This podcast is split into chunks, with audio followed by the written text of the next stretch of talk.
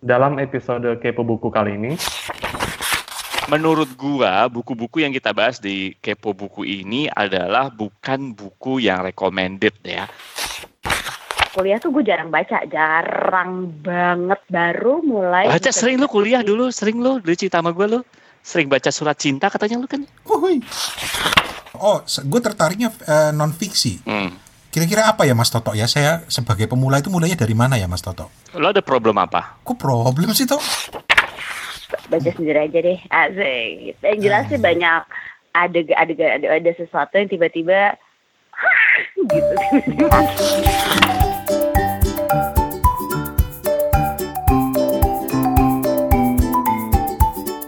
Oke, gue rekam ya.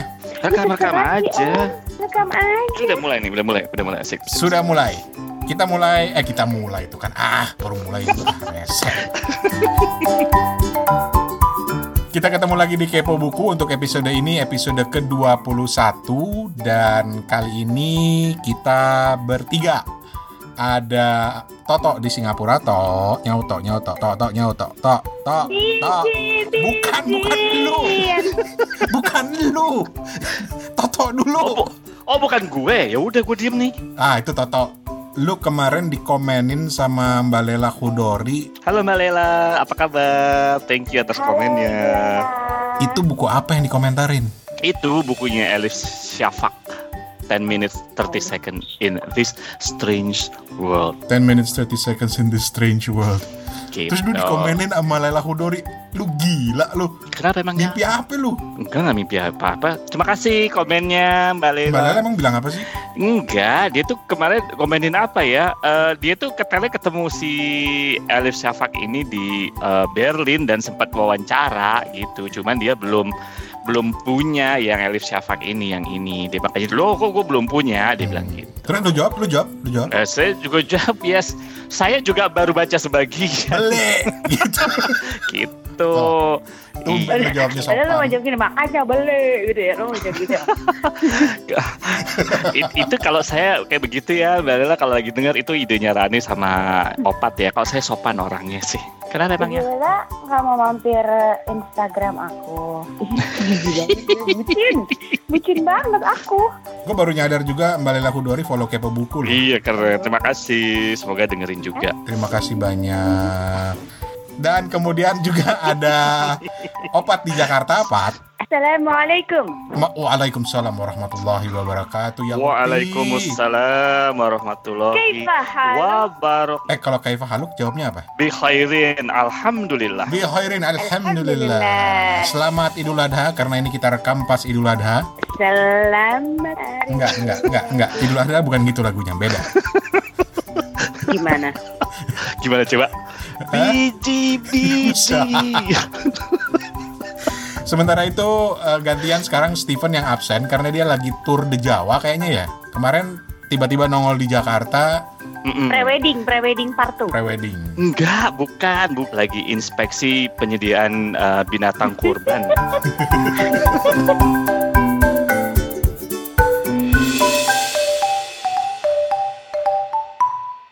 pertanyaan standar kepo buku dulu, lu lagi pada baca buku apaan lu? Kasih tahu gak ya? Eh, lu mau buku yang apa? Fiksi atau non fiksi? Wih sombong. Oh. Loh, gue nanya seriusan. Lu mau buku fiksi apa non fiksi? Kalau ya udah, buku non fiksi. Non fiksi, oke. Bahasa Indonesia apa bahasa Inggris? Bahasa Indonesia rasain lu. Bahasa Indonesia, oke. Bahasa Indonesia ya. Bahasa Indonesia. Gue nggak ada bahasa Indonesia yang non fiksi yang gue baca. Ya udah bahasa Inggris. Bahasa Inggris, bahasa Inggris banyak sih sebenarnya. Gua- Astagfirullah Toto. banyak, men. Gue banyak. Nih ya, gue sebutin ya. eh Hmm, hmm. aduh, ini ketahuan banget nih gue banyak baca buku tapi belum habis-habis. Eh, kalau Yang udah kalau habis aja dong. yang udah habis ya, belum ada. Kalau yang udah habis pasti udah gue bahas di sini. Buku terbaru aja ya, buku terbaru yang saat ini gue baca. Kemarin tuh gue lagi tertarik banget sama matematika. Jadi gue tuh punya dua buku matematika. Yang pertama itu bukunya David Belinsky, A Tour of Calculus. Mhm. Yang satu lagi bukunya Stephen Strogatz, Infinite Power, The Story of Calculus juga, The Linguist of the Universe. Gue mau nanya toh, tapi takutnya gue nggak ngerti toh. Ya nggak usah. Eh, jadi daripada lu eh, otak lu terkilir kan, Ya intinya tentang apa tuh buku? Intinya sebenarnya ini Soalnya gue baru baru kali ini gue nemu orang di dunia yang mau baca buku matematik gitu loh. Paling nggak ya di, di, di sekitar teman gue gitu Enggak, loh. om, lu aja yang norak. kan gue lagi kuliah matematik emang. Wow. Gue kan lagi Itu kuliah udah lama matematik. ya? Kok baru wow Iya, ya Om? belum lulus lulus maksud gue. Maksudnya sedang. Barunya itu sedang. Sedang tat jangan di ini dong. Sekali sekali kita jadi mahasiswa yang lama. Nah, Gitu. Emang Tani aja yang lulusnya lama. Jangan nyindir. 8 tahun tuh nggak lama. Kok nggak DO sih 8 tahun? Oh, gue angkatan terakhir yang sebelum diberlakukan sistem DO. Jadi gue 8 tahun bebas gue kuliah. Kayak coba, jadi bisa ketahuan ya angkatannya dia angkatan. Sial. Ntar lu, ntar lu. Sebelum ke opat, gue penasaran ketika lu berminat baca buku tentang matematika, apa sih buku textbook maksudnya toh? Sebenarnya dibilang textbook sih enggak. Tapi kalau di dalamnya ada rumusnya banyak, ya gitu. Yang pertama itu sebenarnya ada hubungannya dengan sejarah juga. Jadi gue tuh selalu tertarik dengan dari dulu tuh ya. Gue tuh selalu tertarik dengan gimana sih orang itu bisa nemuin sebuah rumus sebenarnya gitu ya. Eh, kejedot apa gitu sehingga orang bisa nemuin kalkulus gitu Hmm. lebih ke sejarah lah gitu perjalanan kalkulus sama gimana cara dia menjelaskan kalkulus itu apa backgroundnya gimana kayak gitu-gitu Lu ngomong kayak gitu aja gue gak ngerti toh maksudnya toh. Eh tapi sebentar lu tahu kalkulus gak Tahu yang ditintin. Astagfirullahaladzim itu profesor lu diferensial integral tahu kan ya Toh, gue dengar kata itu aja udah merinding gue. aduh astagfirullahaladzim Orang jurusan komunikasi kok bisa-bisanya sih nggak tahu kalkulus Ya nggak tahu. Tapi ya pokoknya tentang itulah ya. Iya pokoknya tentang itulah. Jadi gue selalu tertarik dengan dengan hal-hal yang berbau-bau sejarah sains belakangan ini. Oke. Gitu. Opat. Yo, Lu lagi baca buku apa? Hari ini gue seharian menyelesaikan confessions-nya Minato Kanae yang waktu itu diungkit sama Mas Andri yang diterbitin penerbit Haru sudah selesai. Gue penasaran loh sama buku itu tuh. Karena penerbit Haru sama Mas Andri sendiri kan promosinya tuh kayak kayak ada tulisan Jepang gitu yang dinutupin di mukanya itu maksudnya apa sih? Oh, itu itu tulisannya tuh inochi, inochi, inochi itu artinya life ya, life. Kehidupan lah gitu. Confession sendiri ceritanya tentang apa? Confessions itu jadi ibu guru bernama Moriguchi kalau nggak salah, aku jadi lupa. Jadi dia eh, hari terakhir di sekolahnya, jadi dia mengundurkan diri dari pekerjaannya menjadi guru di sekolah SMP.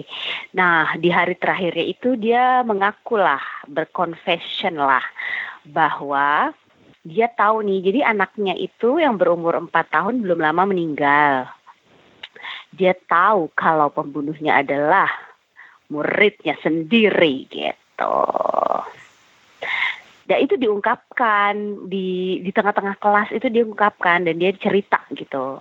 Nah, tapi setelah dia mengungkapkan itu banyak efek-efek yang terjadi di dalamnya. Kemudian kita jadi bisa ada juga ke- di bab selanjut-selanjutnya cerita dari sisi bukan dari bu gurunya nih, tapi dari sisi muridnya gitu. Gitu deh. Oke. Eh kalau menya- nyambung perta- apa menggunakan gayanya Steven, Mbak Opat ini ratingnya berapa Mbak Opat? Rating ke kanan apa rating ke kiri? Maksudnya rating kanan kiri apa? Enggak nggak tahu, tahu. Dia Pak. nggak Enggak tahu. tahu. Itu cuma orang Semarang yang tahu.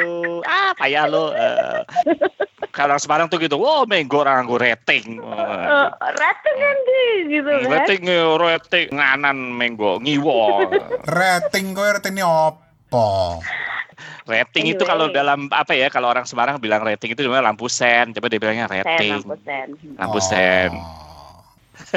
Coba kalau ada di antara teman-teman yang lagi dengerin ini orang Semarang, tolong diberitahu apakah saya lagi dikibulin apa enggak sama Opat sama Toto.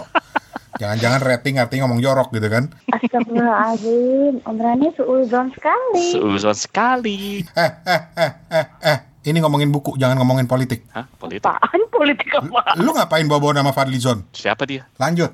Oke, jadi kalau lu harus rating buku itu lu kasih rating berapa? From 1 to 5. Baca sendiri aja deh. Asik. Yang jelas sih banyak ada ada ada, ada sesuatu yang tiba-tiba gitu tiba-tiba. Hah? Apa tuh? jadi kita jadi kan uh, al, uh, cara penyampaiannya itu punya susunan kalimat itu tuh tenang kita walaupun ada kejadian jadi kayak sesuatu tiba-tiba tragis disampaikan tuh kayak datar gitu jadi Hmm. apaan gitu Oke, sementara gue lagi baca Sama. buku. eh belum Hah? belum selesai gue belum selesai ngomong belum belum gue gue kan udah ketinggalan dua episode nih gue harus meng- mengeluarkan suara gue nih Silakan. Nah, eh, jadi eh, gue lagi baca, bacanya gimana ya bukunya Voltaire? Candide, gitu. Duh, susah banget itu. Candide, Candide, tuh saya Candide. Dan saya sedang mengadakan giveaway buku ini. Silakan mampir ke casualbookreader.wordpress.com ya, silakan. So, giveaway gratis satu buku Candide ini ya, Bukunya siapa? Voltaire, Voltaire. Bukunya Voltaire. Ya yang bahasa Perancisnya, Pat. Yang lokasi, Pat. Kagak bahasa Indonesia, penerbit bahasa basi. Oh, itu dalam rangka promosi blognya ini. Promosi dia kayaknya nih. Enggak, gue promosi bukunya, promosi bukunya aja Iya, gue. ya paling nggak se- secara gampang lah. Ini fiksi, non fiksi, cerita Ini atau fiksi, apa? fiksi satir, fiksi satir. Ini lo editornya lagi, Pat. Kagak, kagak. Enggak, gue cuma ditawarin waktu itu blog turnya, terus gue bilang boleh deh karena gue emang penasaran banget bukunya Voltaire. Hmm. Jadinya gue iakan. Dan lu udah baca. Udahlah, Jadi yang mau tuh main ke blognya Opat sekali lagi Pat. a casualbookreader.wordpress.com. Oke. WordPress dong. Nggak mau promosi podcastnya Mbak Opat? Iya di podcast punya opat. Cie.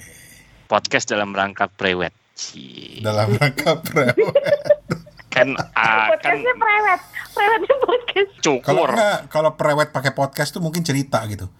Aku pertama kali bertemu dengannya Oh gitu ya. pada suatu malam yang hujan. Kagak usah lah, susah amat. Rekaman aja berdua, sama-sama berantem urusan budget gitu. Aku tuh maunya di gedung ini gitu ya. Hmm, lu rekam aja gitu. Hmm. Ujung-ujungnya, jadi aku tuh maunya kawin sama ini. Itu. Tunggu lu jangan meng eh jangan merusak pasar gue ntar gue dikira beneran prewed lagi. Oh iya, iya. pasar iya. aku dong. Nggak, nggak, nggak, nggak, nggak. Opat nggak prewed. Nggak, nggak, nggak prewed. Orang opat udah udah lima tahun nikah, prewed baru sekarang. Podcast apa ini? Oke, sementara gue, gue lagi baca buku ini, ini gue suka banget. Pokoknya yang berbau-bau Korea Utara Harry Potter suka. ya, Harry Potter Eh belum, ya. belum, belum, belum, belum. Gue kemarin mampir ke Kinokuniya yang pertama tuh nggak ada. Norak lo, itulah ibuk lah. Nggak, nggak, nggak. Yang yang per- pertama gue harus beli cetaknya. Masa nggak mau nggak ada? Lagi habis, lagi lagi kosong, lagi kosong. Yang lainnya ada. Oke. Tapi kemudian gue beli buku eh, tulisannya Anna Fifield. Anna Fifield ini eh, kepala biro Washington Post di Tokyo sampai tahun 2018 dan dia bikin buku yang keren banget. Ini investigasi tentang kehidupan Kim Jong Un.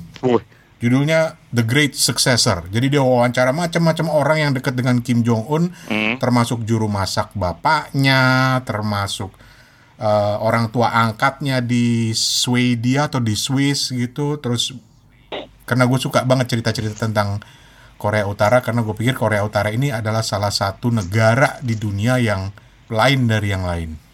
Terus lo udah habis bacanya, udah habis, udah habis. Ah, baru separuh jalan, baru separuh jalan, tapi menarik gitu loh bahwa bagaimana si Kim Jong Un ini sebenarnya awal-awal dilantik banyak yang menaruh harapan besar bahwa dia akan membawa perubahan di negaranya karena dia anak muda, dia terekspos pada budaya populer, dia suka basket, dia makannya juga makan makanan barat gitu loh segala macam. Tapi ternyata di luar dugaan. Oke. Jadi menarik lah untuk melihat cerita ini sampai bagaimana dia bersekutu dengan agen-agen rahasia negaranya untuk membunuh saudaranya sendiri, saudara kandungnya sendiri itu Kim Jong Nam yang melibatkan salah satunya seorang TKI asal Indonesia. Oh yang waktu itu ya kasus di Malaysia itu ya. Hmm, yang di Yang Malaysia di- iya. gitu. Oke.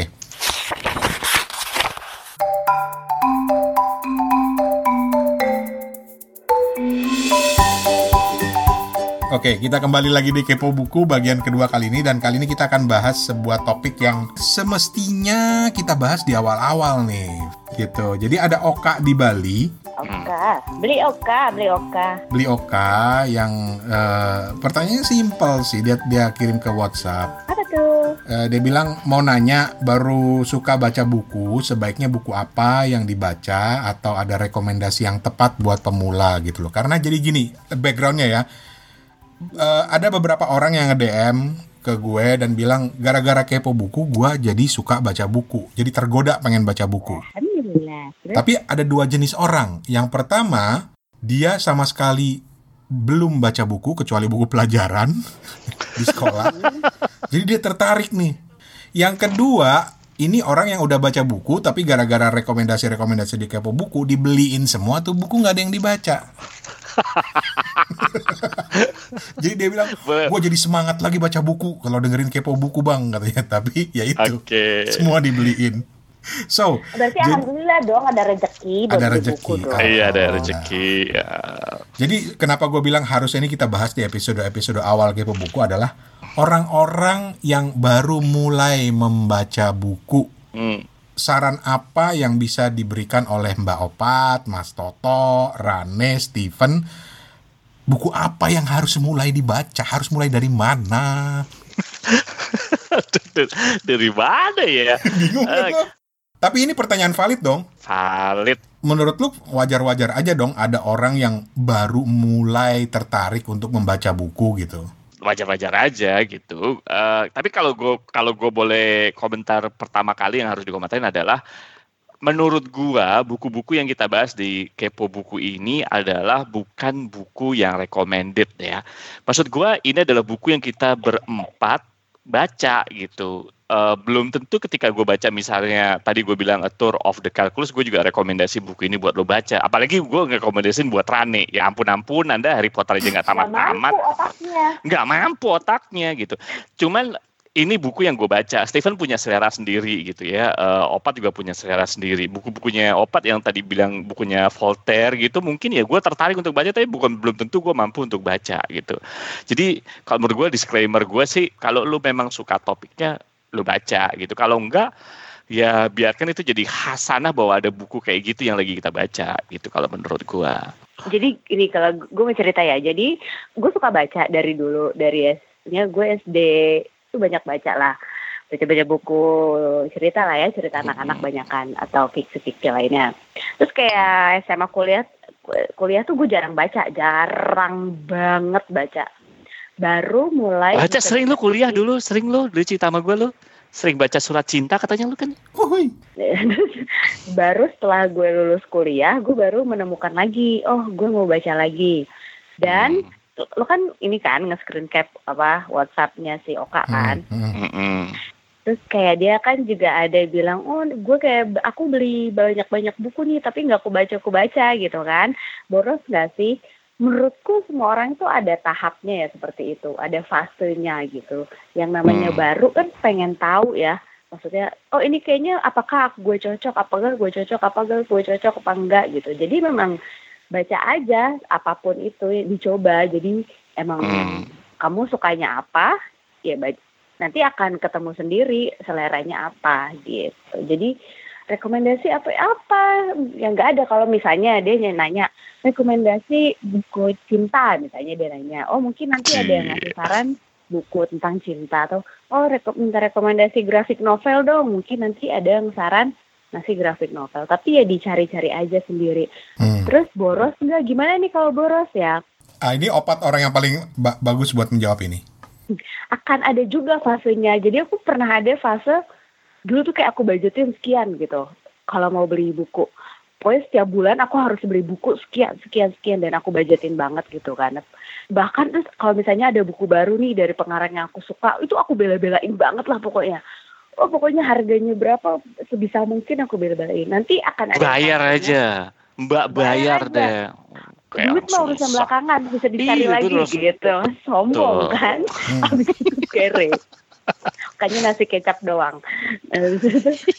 Tapi kalau aku sih fa- sekarang fasenya udah yang oh aku pengen buku ini kalau memang aku rasa aku bener-bener pengen akan ku beli tapi kayak tapi kan aku masih punya buku yang ingin ku baca juga jadi remnya lama-lama ketemu gitu. Dan Hmm. sekarang kan juga banyak e-book atau bisa pinjam teman, bisa perpus kalau Hmm. memang susah beli buku yang second-second kan kalau di Instagram sekarang banyak ya banyak betul second dan masih betul, bagus. Jadi ya betul. fasenya ada, jadi nggak usah khawatir. Terus pemboros kalau pemborosan gimana ya? Boros itu kembali lagi ke definisi masing-masing. Kalau buku yang dirasa bagus itu anggap aja investasi sih. Jadi Hmm. banget gue ngomongnya. Anggap aja investasi, tapi jangan dijualin dong.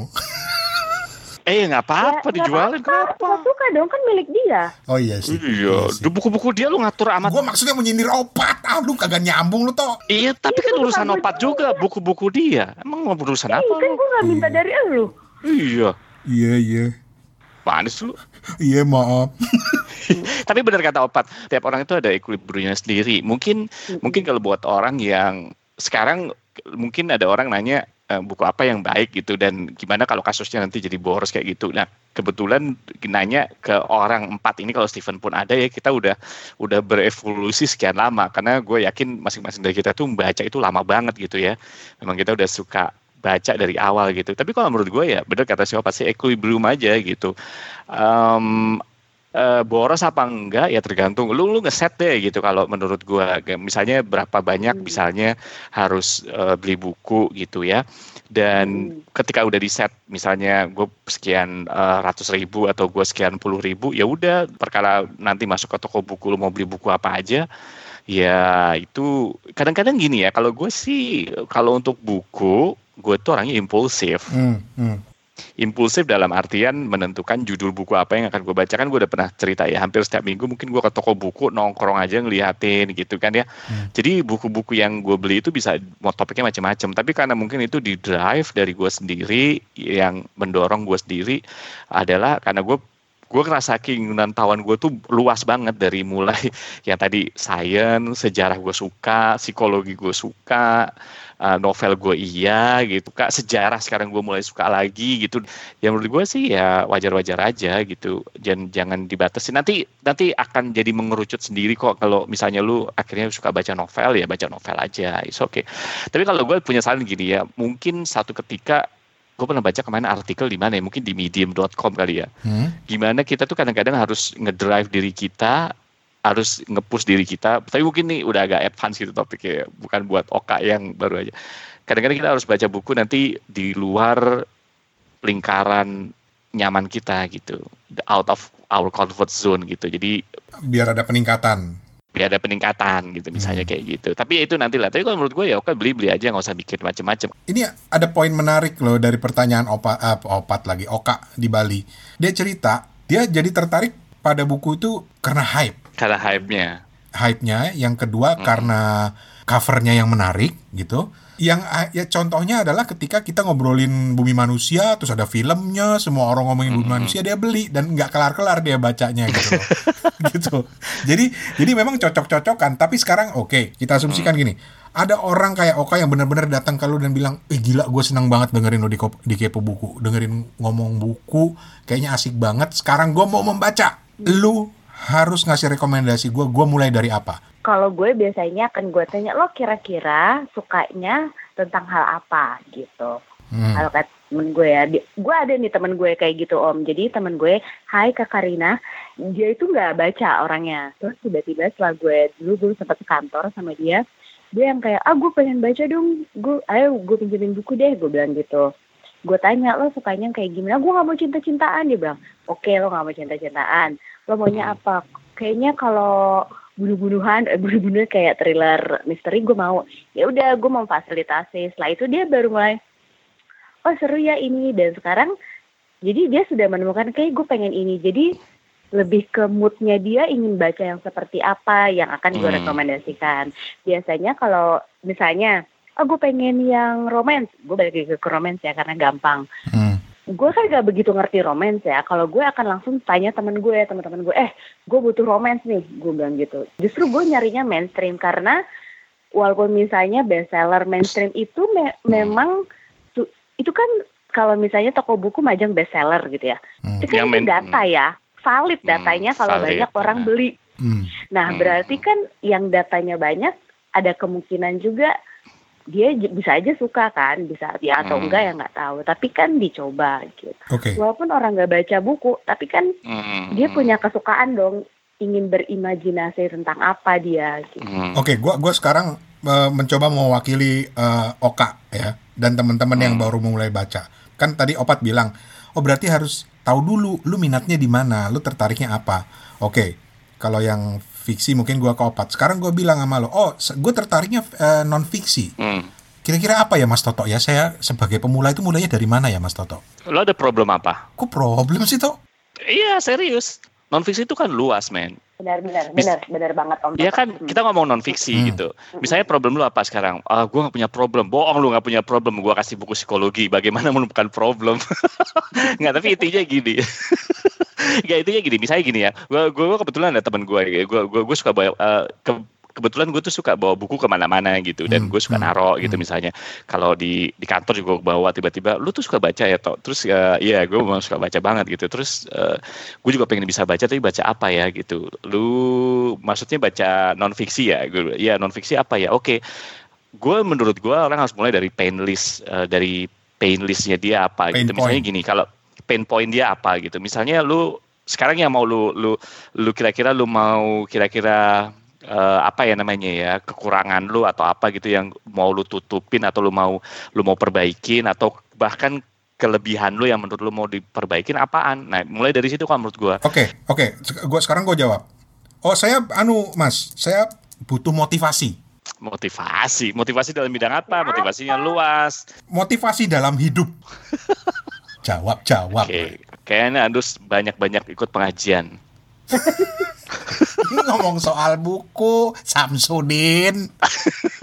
Iya kalau gue motivasi itu ter- banyak gitu. Gue kan share ya. Kalau motivasi itu banyak banget. Kalau mau motivasi yang sifatnya penerapan, mungkin lo harus baca tentang NLP kalau lo mau Neuro Language Programming. Itu metode yang dipakai sama Anthony Robbins kayak gitu-gitu.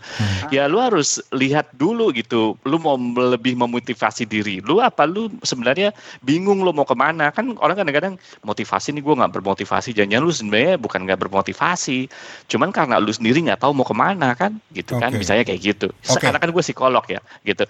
Cuman ini ya lagi-lagi ya buat Oka dan teman-teman lainnya, it's very dangerous ketika lu tanya ke orang eh, karena setiap orang itu punya referensi bacaan itu berbeda-beda gitu. Yang Hmm. paling penting adalah lu tahu lu maunya apa kayak si op saya si opat tadi bilang lu mau sukanya apa dan bagi gua opat gua itu hanya sekedar tahu berdasarkan referensi yang pernah gua baca atau kesukaan yang pernah kita baca kan ya Pat ya Mm, satu betul, hal yang harus terpenting adalah lu harus benar-benar ke toko buku kalau mau baca mau nggak mau lu harus banyak searching lu harus banyak eh, cari gitu. Dan jangan pernah takut untuk invest. Baca aja satu buku. Lama-lama buku itu kalau menurut gue itu jodoh gitu.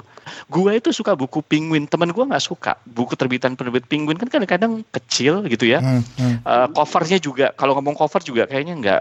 Tapi somehow buat gue tuh enak banget gitu baca buku terbitan Oke. penguin. Karena mungkin dia adalah seleksi dari beberapa buku yang udah diterbitkan sebelumnya kan sebenarnya penguin kan gitu kan tapi dibikin versi murahnya gitu kan Hmm. makanya gue suka gitu topik-topiknya walaupun kadang-kadang berat Oke. Nah. Tapi kalau misalnya gini, dalam konteks hiburan, non fiksi, eh, lu bisa baca buku biografi orang-orang terkenal itu juga bisa inspirasi, bisa motivasi, bisa hiburan juga kan? ya tapi kan menurut gue menurut lo belum tentu Oh iya sih. Makanya kak, kalau menurut gue sih sebenarnya nggak usah banyak mikir gitu, langsung aja ke toko buku. Kalau memang nggak mau invest banyak gitu ya, udah aja ke temen yang suka baca buku, pinjem aja salah satu bukunya kalau diperbolehkan gitu kan ya. Mulai dari sana nggak suka, udah lah balikin. Eh gue nggak suka ternyata buku ini. Paling nggak udah mulai tahu ada buku yang nggak lo suka gitu. Jadi udah Betul betul. Ya kan? udah bisa menyingkirkan satu kategori ya. Oh ini ada suka. satu kategori, gitu. kayaknya gue nggak suka, dia terlalu berat deh gitu. Kayaknya kalau baca Murakami kayaknya susah deh sampai sekarang. Kayak gue misalnya, gue baca murah nggak bisa bisa gitu. Paling gue tahu ntar ntar aja dulu kali ya gitu. Kalau gue ada ada sedikit waktu luang, gue memang benar-benar memeras otak gue supaya otak gue terkilir dikit baca Murakami. Misalnya kayak gitu kan? Jadi gitu. Oka Hmm. dan teman-teman yang eh, gara-gara dengar kepo buku tertarik untuk mas mulai membaca ya seperti kata saran Mbak dan Mas tadi langsung aja ke toko buku aja cari Mm-mm. Hmm. jodoh-jodohan. Pinjam juga boleh. Hmm. Terus jangan ini, jangan peduli apa kata orang atau Betul. apa hype orang, biarin aja. gitu. Kalau lihat dari case-nya Oka kan dia kan uh, hype-nya kan waktu itu kan uh, apa sih? Apa itu bukunya? Bumi? Manusia. Ya bumi manusia, bumi manusia gitu kan. Kalau memang tidak tertarik ya, maksudnya saat membaca rasa kesulitan, nah sekarang pilihannya cuma dua, kamu mau menantang diri atau mau mencari yang nyaman dulu gitu. Kalau menurut aku Gitu, sih, uh-uh. kalau awal-awal ya mendingan Yang nyaman dulu ya. aja dulu, cari nyaman dulu. Nanti kalau ya tapi kalau misalnya dia memilih, oh pokoknya aku menantang diriku sendiri ya nggak masalah sih. Cuma kalau Mhm. aku, misalnya lagi, aduh aku pengen baca nih tapi bingung, nah aku akan cari gimana pun yang nyaman buat aku. Bahkan kan aku kalau sekarang karena aku udah lebih banyak membaca dari Oka kebetulan, aku udah tahu nih, oh aku nyamannya di buku ini, ini, ini, ini. Nah aku akan ke situ dulu saat aku merasa kesulitan membaca setelah aku nyaman itu baru misalnya mau baca buku pram nih itulah waktunya aku menyetel otak oh eh, kali ini aku harus men-challenge untuk menyelesaikan buku ini gitu. nanti enjoy aja dulu dinikmati perjalanan saat membacanya Lemesin aja, lemesin. Iya, lemesin aja. Apa sih lemesinnya itu? Nggak usah tegang-tegang maksudnya. sangat Nyantai oke. aja, nyantai. Nyantai aja. Jadi mudah-mudahan itu bisa menjawab dan bukan hanya Toto dan Opat yang bisa memberikan masukan, tapi juga teman-teman yang lagi dengerin kepo buku ini, kalau lu juga punya saran, lu punya temen dekat yang tiba-tiba datang ke lu dan bilang, "Eh, gue jadi pengen baca buku deh ngeliat lu bawa buku melulu." Mulai dari mana? Lu jawabannya apa? Kirim ke kita, sharing ke kita di direkam ya, direkam di suarana@gmail.com atau uh, voice note WhatsApp di 087878505012 gitu. Karena bisa jadi kita subjektif karena memang semua orang itu subjektif dalam pilihan, betul begitu? Betul. Betul. Oke. Oke.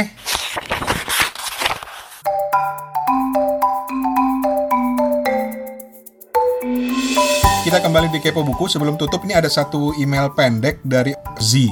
Opat kenal kan sama Z ya? nah nah Eh kemarin itu dong, ya kemarin aku manggilnya mbak mbak Mbabs. Mbak seperti pap pap mbak Udah tau tau tau ketahuan umur lu ntar tau. eh dia mau ke Jakarta loh Serius lu? Masih Hansen? hidup? masih Hansen masih ada ya? Oke.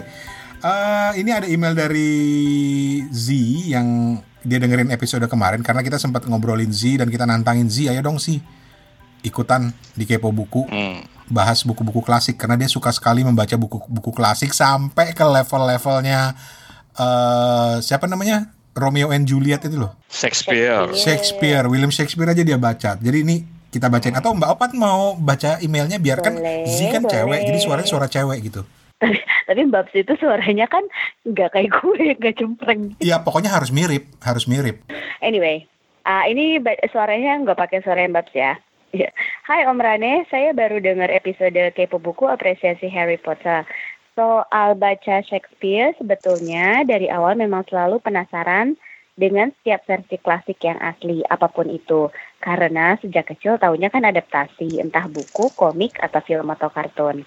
Awalnya nekat aja baca walau banyak walau banyak nggak ngertinya. Pada kasus tertentu memang ada baiknya saat baca itu diterabas aja. Yang penting selesai dulu. Tuh.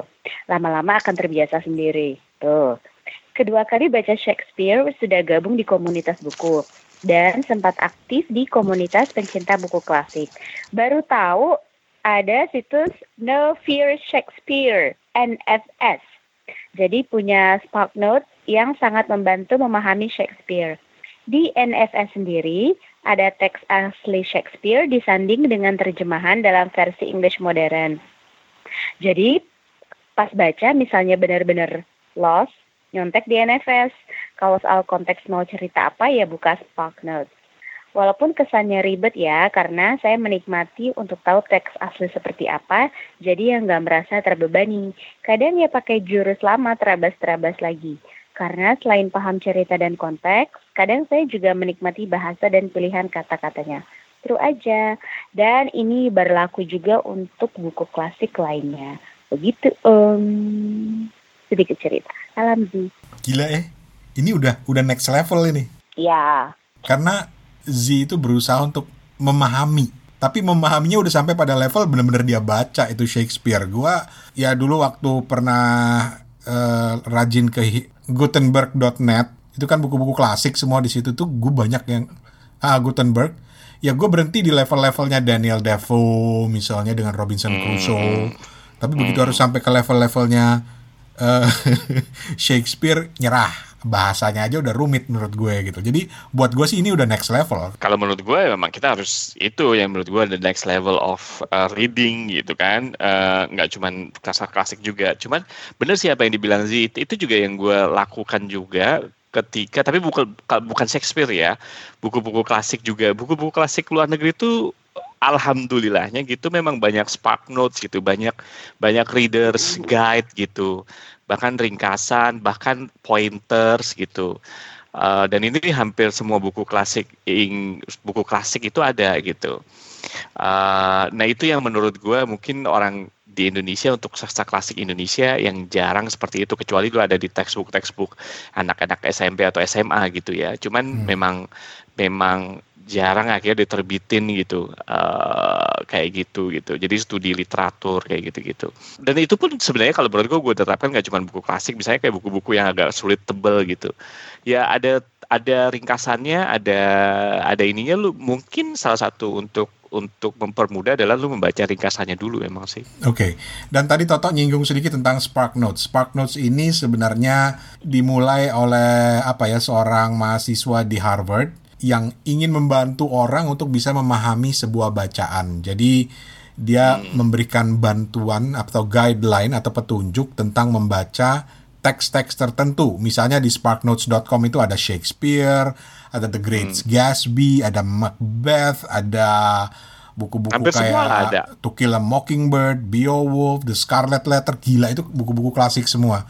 Gue jadi mikir Indonesia harusnya punya ya model Spark Note gini ya. Misalnya me- mengacu ke Oka tadi, harusnya ada loh buku yang memberikan apa atau website atau layanan yang memberikan bantuan kepada orang yang mau mencoba untuk memahami bumi manusia misalnya. di Indonesia sayangnya tidak ada kecuali ada di teks textbook anak-anak SMA gitu tapi kan nggak nggak nggak diterbitin dia dalam bentuk textbook gitu maksudnya eh, gimana lu meng eh, sebagai sebagai reader gitu lu di guide untuk di, diarahkan untuk tahu apakah karakter ini begini-gini. Karena kalau di di luar negeri Sparknos itu ada ada summary-nya tapi juga ada ada buku kayak Shakespeare ya gue pernah lihat ya. Di belakangnya itu ada ininya men ada untuk point for discussion dan ada eh, apa namanya suggested answer dari situ aja kita udah bisa tahu gitu bisa belajar dari situ gitu misalnya. Mbak Oh gimana Mbak Oh? Ya abis kan, abis kan emang udah baca banget orangnya orangnya telaten. Jadi aku lu, kena- lu, lu kenal Z kan, jadi lu cerita deng, Da, lu, lu cerita dong gayanya. Karena kemarin gue sempat eh, nyebut juga kita sempat ngerumpiin soal websitenya Z misalnya yang mereview buku. Bahkan dia punya kategori sendiri tentang buku, punya kategori sendiri tentang rating dan lain sebagainya. Emang segitu ininya ya minatnya pada dunia membaca. Iya emang dia emang dia iya dan dia orangnya telaten jadi ya begitu. telaten yang buat ngiris Itu talenan. Wah, amat tuh plesetan. Gue udah yain. Tapi itu kan nyambung jadinya bahwa ketika lu berminat membaca, lu harus tekun gitu, lu harus mau memaksa men-challenge diri lu untuk mem- memahami sebuah bacaan dan ekstrimnya itu sampai ke level-level seperti Z yang bahkan eh, ke- ke sastra klasik dari tahun berapa 15 atau 6 ra- 16 ribuan itu bisa dia pahami gitu loh gitu. Dan Sebenarnya gue untuk untuk untuk orang yang suka baca ya, gue gue kalau gue mau ngaku juga gue jujur orang gue orangnya nggak telaten. hmm, Hmm, gue tipe orang yang beli buku, gue baca. Kalau menurut gue buku itu tidak perlu dibaca dengan tuntas, gue akan tidak akan gue baca dengan tuntas gitu. Mungkin nanti nanti akan gue revisit lagi gitu. Kenapa waktu itu gue nggak tuntas misalnya? Tapi gue nggak seperti Z misalnya sampai telaten gitu, sampai bener-bener eh, gitulah oh, bolak-balik sana sini nyari eh, bala bantuan misalnya gitu kan dengan segala bala bantuannya gitu kan. Nah gue nggak seperti itu. oke Iya, ya itu seperti bilang semua orang tuh ada aku, apa orang bilangnya equilibrium ya gitu kan. Titik keseimbangan. Jadi abang ada titiknya masing-masing. Kalau Mbak Abes mungkin titiknya udah nyampe yang beda. Bukan berarti aku nggak mau bilang oh berarti dia lebih baik ya lebih baik untukku mungkin lebih baik tapi mungkin sebenarnya tidak sampai segitu pun juga tidak masalah gitu. Hmm. Kalau aku sih ya. iya Betul. Yang penting santai aja, nikmati. Amin. Mm-mm. Pokoknya ini juga, ini aku juga ngomong sedikit mengutip ini Babas juga yang bilang pokoknya enjoy your reading experience aja. Betul. Itu harus. Ya. Reading itu harus jadi salah satu hiburan. Jadi eh, jangan dijadikan beban lah. Betul. Bahkan sampai ekstrimnya gini, kalau sampai lu nggak bisa enjoy membaca, ya udah. Mm-mm. Hidup ini Ya lebih enggak, dari tetap sekedar harus baca, membaca. tetap harus baca. ya. Loh, kalau mau dipaksain nggak bisa gimana? Ya nggak mungkin harus. Ikro, ikro, baca. Tinggal dicari aja yang enaknya di mana, tapi tetap harus baca. Gitu. Mm-mm. Oke. Dan gue lagi liatin Sparks Note ini emang edan ya. Misalnya ini lagi eh, ringkasan George Orwell dengan 1984 itu. Itu sampai eh, ringkasannya ada, karakternya ada, ide besarnya apa, temanya, protagonis, antagonis dan lain sebagainya, quote menarik, Mm. terus eh, referensi bacaan-bacaan menarik untuk menemani eh, George Orwell. Jadi Mm. itu membantu banget dan itu sudah ada di internet. Jadi itu juga bisa menjadi salah satu eh, bahan acuan ketika lo membaca buku-buku yang menarik. Mungkin awalnya karena hype, mungkin awalnya karena Tok bilang bagus, mungkin awalnya karena Opat bilang bagus, tapi kenapa tidak? Hmm. Kalau Ya. ada banyak yang bisa membantu lo untuk mencoba membaca dan mengapresiasinya. Mm. Bukan begitu, bukan? Bukan. Oke, jadi eh, Z, kapan bisa datang ke Kepo Buku dan membahas tentang buku-buku klasik? Kasihan ah mas lu datang dia datang ke mana? Datang ke Bangkok, datang ke Singapura, apa ke Jakarta, apa ke Makassar? Di telepon Wiro Sableng. Ya join dong maksudnya Oh iya, bergabung di-join. bukan datang. Bergabung. Di telepon gitu. Bergabung gitu. Oke, ya sudah. Kita akhiri saja Kepo Buku. Terima kasih banyak Mbak Opat. Ada pesan-pesan terakhir Mbak Opat? Em- emangnya opat udah nggak bisa disembunyiin penyakitnya? Pesan-pesan terakhir, Ada yang ingin disampaikan Mbak Opat?